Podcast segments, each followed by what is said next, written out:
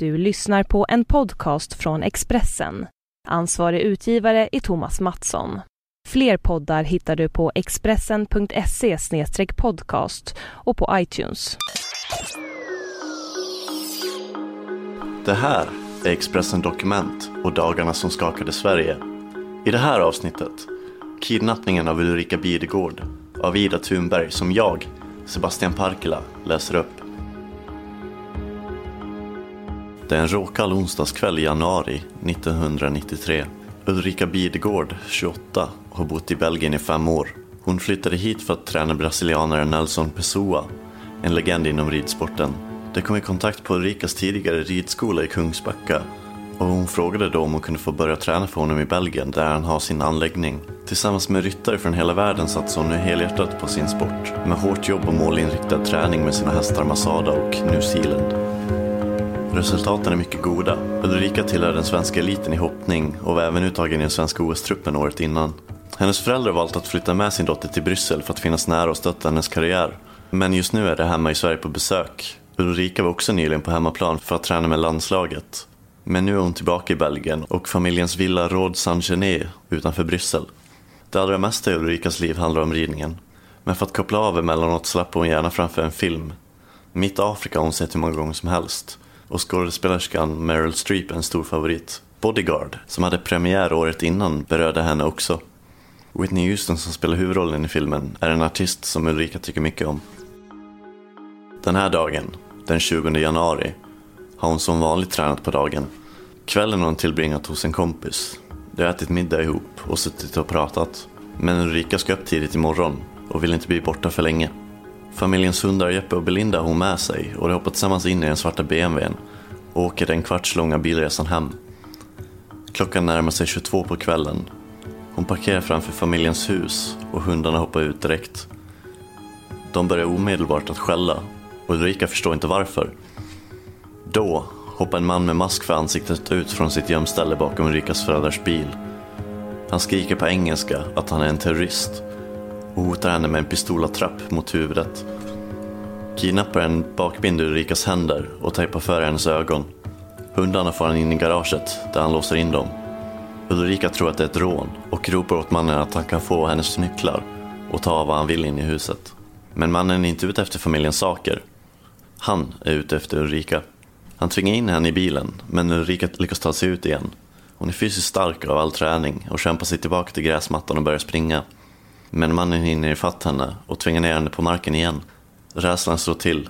Fram till nu har Ulrika framförallt känt sig förbannad. Men nu landar insikten om att något mycket allvarligt är på väg att hända. Mannen lägger in henne i hennes egen bil och trycker en trasa mot hennes ansikte. Den är indränkt med thinner. Han kör ut från familjens hus och nu startar en bilfärd som kommer att pågå i flera timmar. Men kidnapparen kör inte långt, utan mest runt i cirklar. Vid ett tillfälle gör han ett stopp på en ödslig plats och linda in Ulrikas kropp i några tecken. Runt allting virar han tjock byggtejp och känner sig riktigt nöjd med hur han får till paketet. Någon gång under färden fladdrar tankarna på den amerikanska 70-talsfilmen Levande begravd. Ulrika har sett den bara några dagar tidigare. Filmen handlar om en kvinna som blir levande begravd i en trädgård. Är det vad som ska hända med henne? Ska han begrava henne inrullad i en matta med hon fortfarande vid liv? Eller våldta henne? Eller döda henne direkt? Kidnapparens lägenhet ligger i centrala Bryssel. I skydd av det nattliga vintermörkret lyckas han konka upp den inlindade Ulrika för trapporna med hjälp av en stor säck. En gång tappar han taget om henne och Ulrika slås i ansiktet. Men det bekommer inte hennes kidnappare. Han fokuserar bara på att ta sig in i lägenheten där trälådan finns. Lådan som han har förberett i flera veckor och som nu kommer bli Ulrikas fängelse. Lådan är en och en halv meter hög och 90 cm bred. Den är gjord av spånskivor och har en frigolit på insidan. Här inne placerar han sitt offer och binder hennes fötter och händer med sex röda läderremmar. Och han lindar byggtejp över ansiktet och munnen. Över hennes öron sätter han hörselskydd. När han kan konstatera att hon sitter ordentligt fast, utan möjlighet att göra ljud som hörs ut, lämnar han lägenheten för att köra tillbaka Ulrikas bil till familjens villa. Han byter snabbt bil till sin egen Chevrolet Van och kör tillbaka till stan. Dödsångesten river med full kraft i Ulrikas inre. Hon är kissnödig och ber om att få gå på toaletten. Kidnapparen svarar med att klippa upp hennes kläder Hon får utföra sina behov där hon är. Ulrika har ingen aning om vem kidnapparen är. Dels säger han knappt något och dels är hennes ögon hårt igentejpade. Om hon hade kunnat se honom hade hon sannolikt känt igen den 30-årige svenska hantverkaren som flera år tidigare hade varit hemma hos hennes familj i villan och renoverat. En lugn kille som inte gjorde så mycket väsen av sig utan jobbade på ordentligt. Det här var under en period då många svenskar hade flyttat till Bryssel på grund av förmånliga skatteregler. Därför hade en svensk byggfirma startats på plats i Belgien med affärsidén att serva de svenska utvandrarna. När Rikas föräldrar ville renovera huset för att få en ljusare helhet i inredningen föll det sig naturligt att använda svenskans tjänster. Ljus parkett, ljusa väggar och ljusa badrum blev resultatet. Precis som familjen ville ha det. Den här mannen, som ursprungligen kommer från Göteborg, hade flyttat till Belgien några år tidigare. Han hade tidigare haft en byggfirma hemma i Sverige som hade börjat gått sämre och sämre, trots mannens skicklighet. Han började skuldsätta sig och tog bland annat ett lån med föräldrarnas hus som säkerhet. Men det fungerade inte för honom som han hade tänkt sig i Bryssel heller, trots att han hade kunnat jobba en hel del åt den svenska byggfirman. Skulderna växte och paniken kröp närmare. När mannen i samma veva läste boken Förhandlaren av Fredrik Forsyth, som handlar om en son till en president som kidnappas, så väcktes idén och den vansinniga planen började ta form. Att det blev just Ulrika Bidegård han kidnappade tycks mest ha varit en slump. En slump som baseras på att han har upplevt familjen som välbeställd när han tidigare varit i deras hus och renoverat. Planeringen hade varit noggrann, men inte för ett halvt dygn efter att han har tagit Ulrika kontaktade han hennes familj, som fram tills nu inte har vetat om att dottern är kidnappad. Det är torsdag, förmiddagen den 21 januari 1993. Telefonen ringer på Ulrikas pappa Kennets kontor hemma i Sverige. I rummet finns också hennes farbror och bror Christian. De sitter runt ett brunt bord. Stolarna har mintgrön färg. Kenneth Bidgård lyssnar och lägger snart på luren igen innan han framför det osannolika beskedet. Den som ringde påstår att Ulrika är kidnappad och familjen uppmanas att inte kontakta polisen. Det är allt som sägs. Kenneth ringer direkt till familjen Sterska i Bryssel som beger sig till villan. Där kan de konstatera att hundarna är inlåsta i garaget och att Ulrikas bil står där den brukar. Men hon finns inte i huset. Nästa samtal går till en åklagare och denne kontaktar i sin tur Interpol Redan samma eftermiddag sitter familjen, Kenneth, Christian och Ulrikas mamma Lena, på flyget.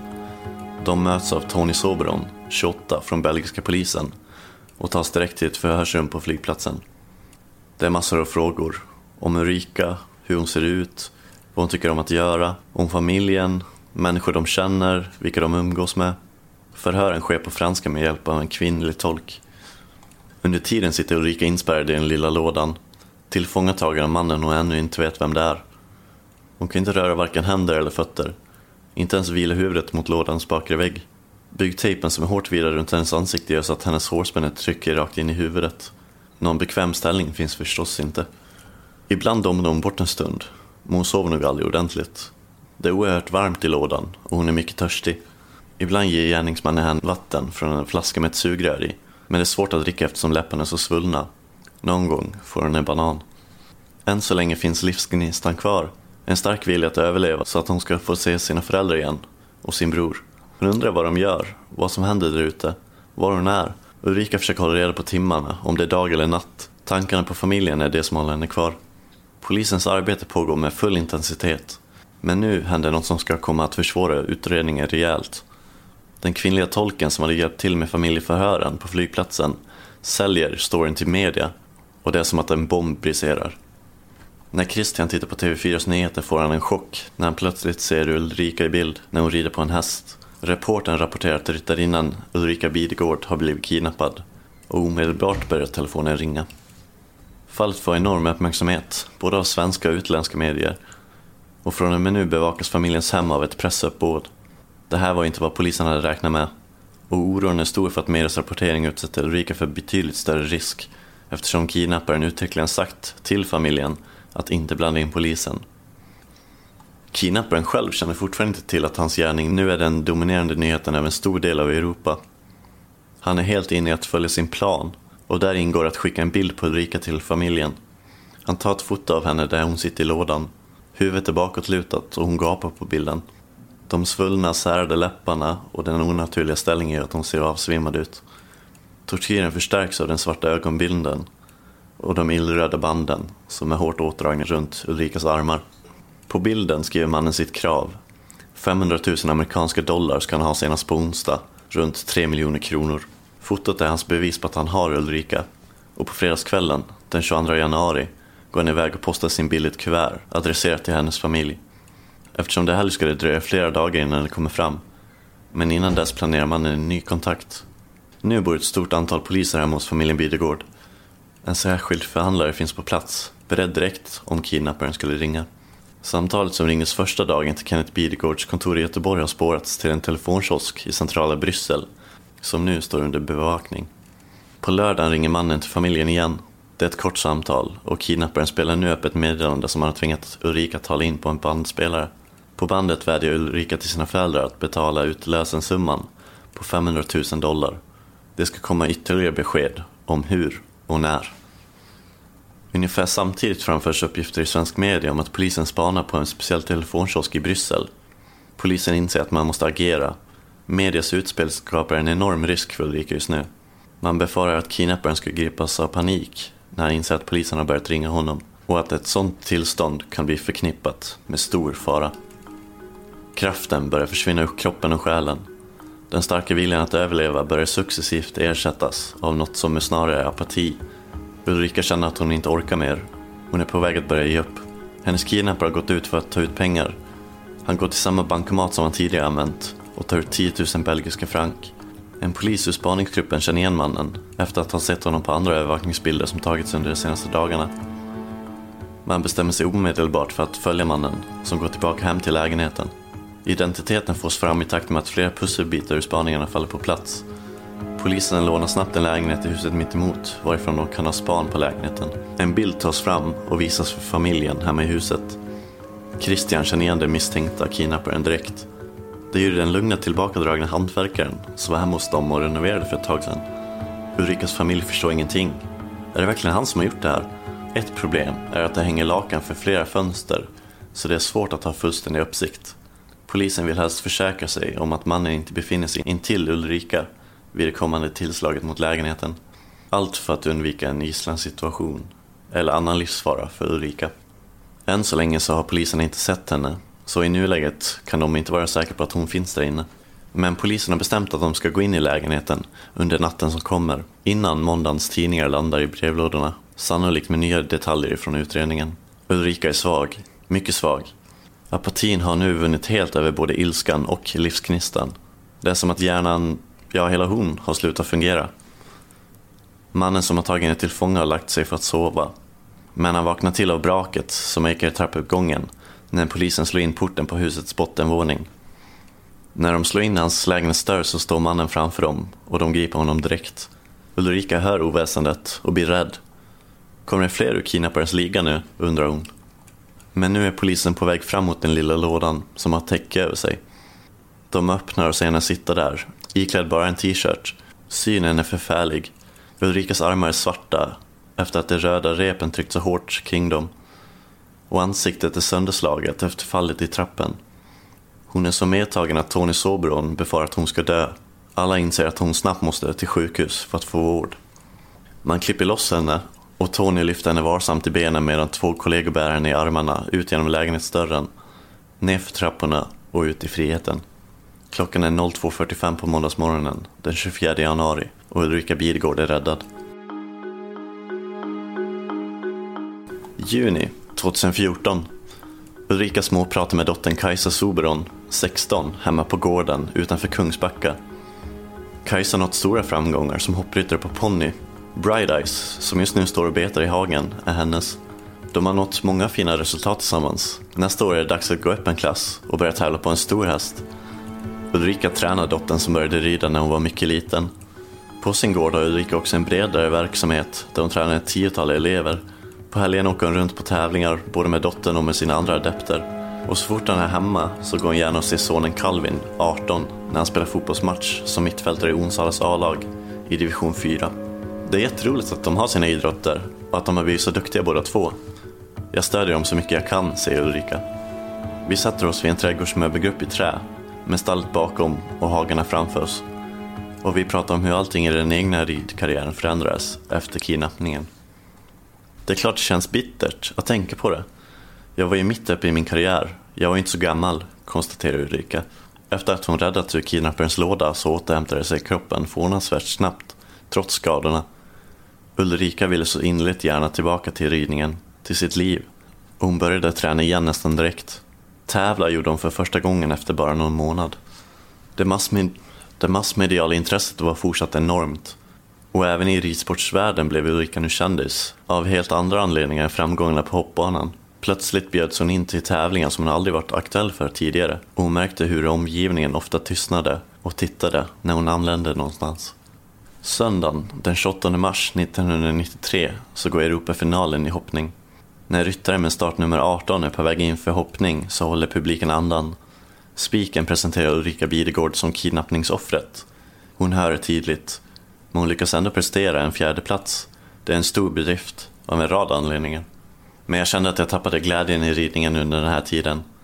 Vilket land jag än kom till, vilken tävling jag än var med i, så var det Titta, där kom hon som har blivit kidnappad. Jag försökte ett tag till, men sen fattade jag beslutet att lämna den internationella satsningen.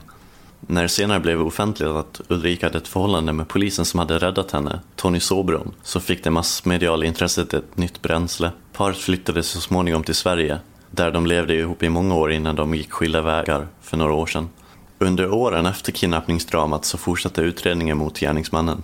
Den 10 maj 1995 så dömdes han till 15 års fängelse och satte av de första fyra åren i Belgien innan han flyttades till Kumlaanstalten i Sverige för att avtjäna resten av sitt straff. Jag funderar inte på var han bor eller vad han gör. Jag vill inte lägga någon energi på att tänka på vad jag känner för honom. Han är inte värd det, säger Ulrika. Han förstörde väldigt mycket i mitt liv. Och det är ju som det är. Det stör mig förstås, men i övrigt så ödslar jag ingen tid eller energi på honom. Sin egen bearbetning har Ulrika skött mycket på egen hand. För mig var det meningslöst med psykologihjälp. Vi var väldigt tajta i familjen och jag pratade väldigt mycket med dem hela tiden efter det som hade hänt.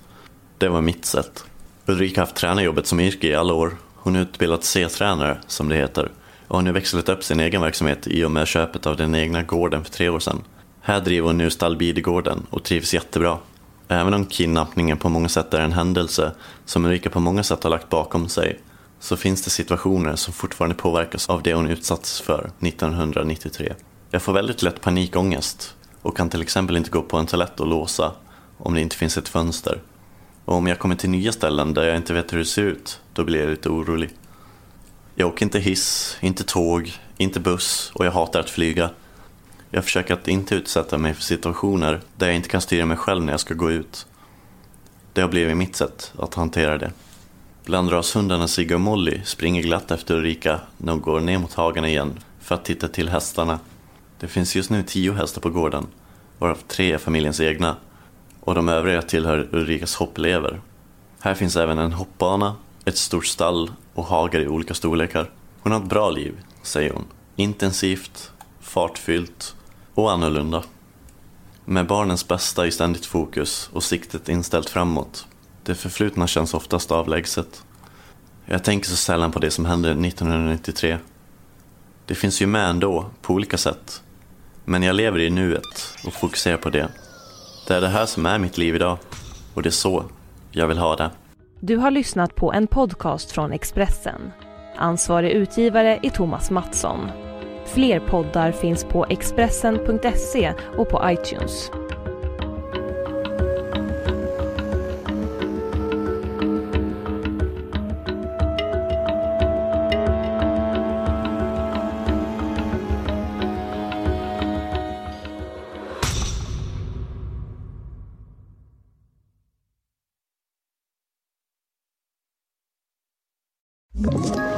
Ett poddtips från Podplay. I fallen jag aldrig glömmer djupdyker Hasse Aro i arbetet bakom några av Sveriges mest uppseendeväckande brottsutredningar. Går vi in med hemlig telefonavlyssning och, och då upplever vi att vi får en total förändring av hans beteende. Vad är det som händer nu? Vem är det som läcker? Och så säger han att jag är kriminell, jag har varit kriminell i hela mitt liv men att mörda ett barn, där går min gräns. Nya säsongen av Fallen jag aldrig glömmer på Podplay.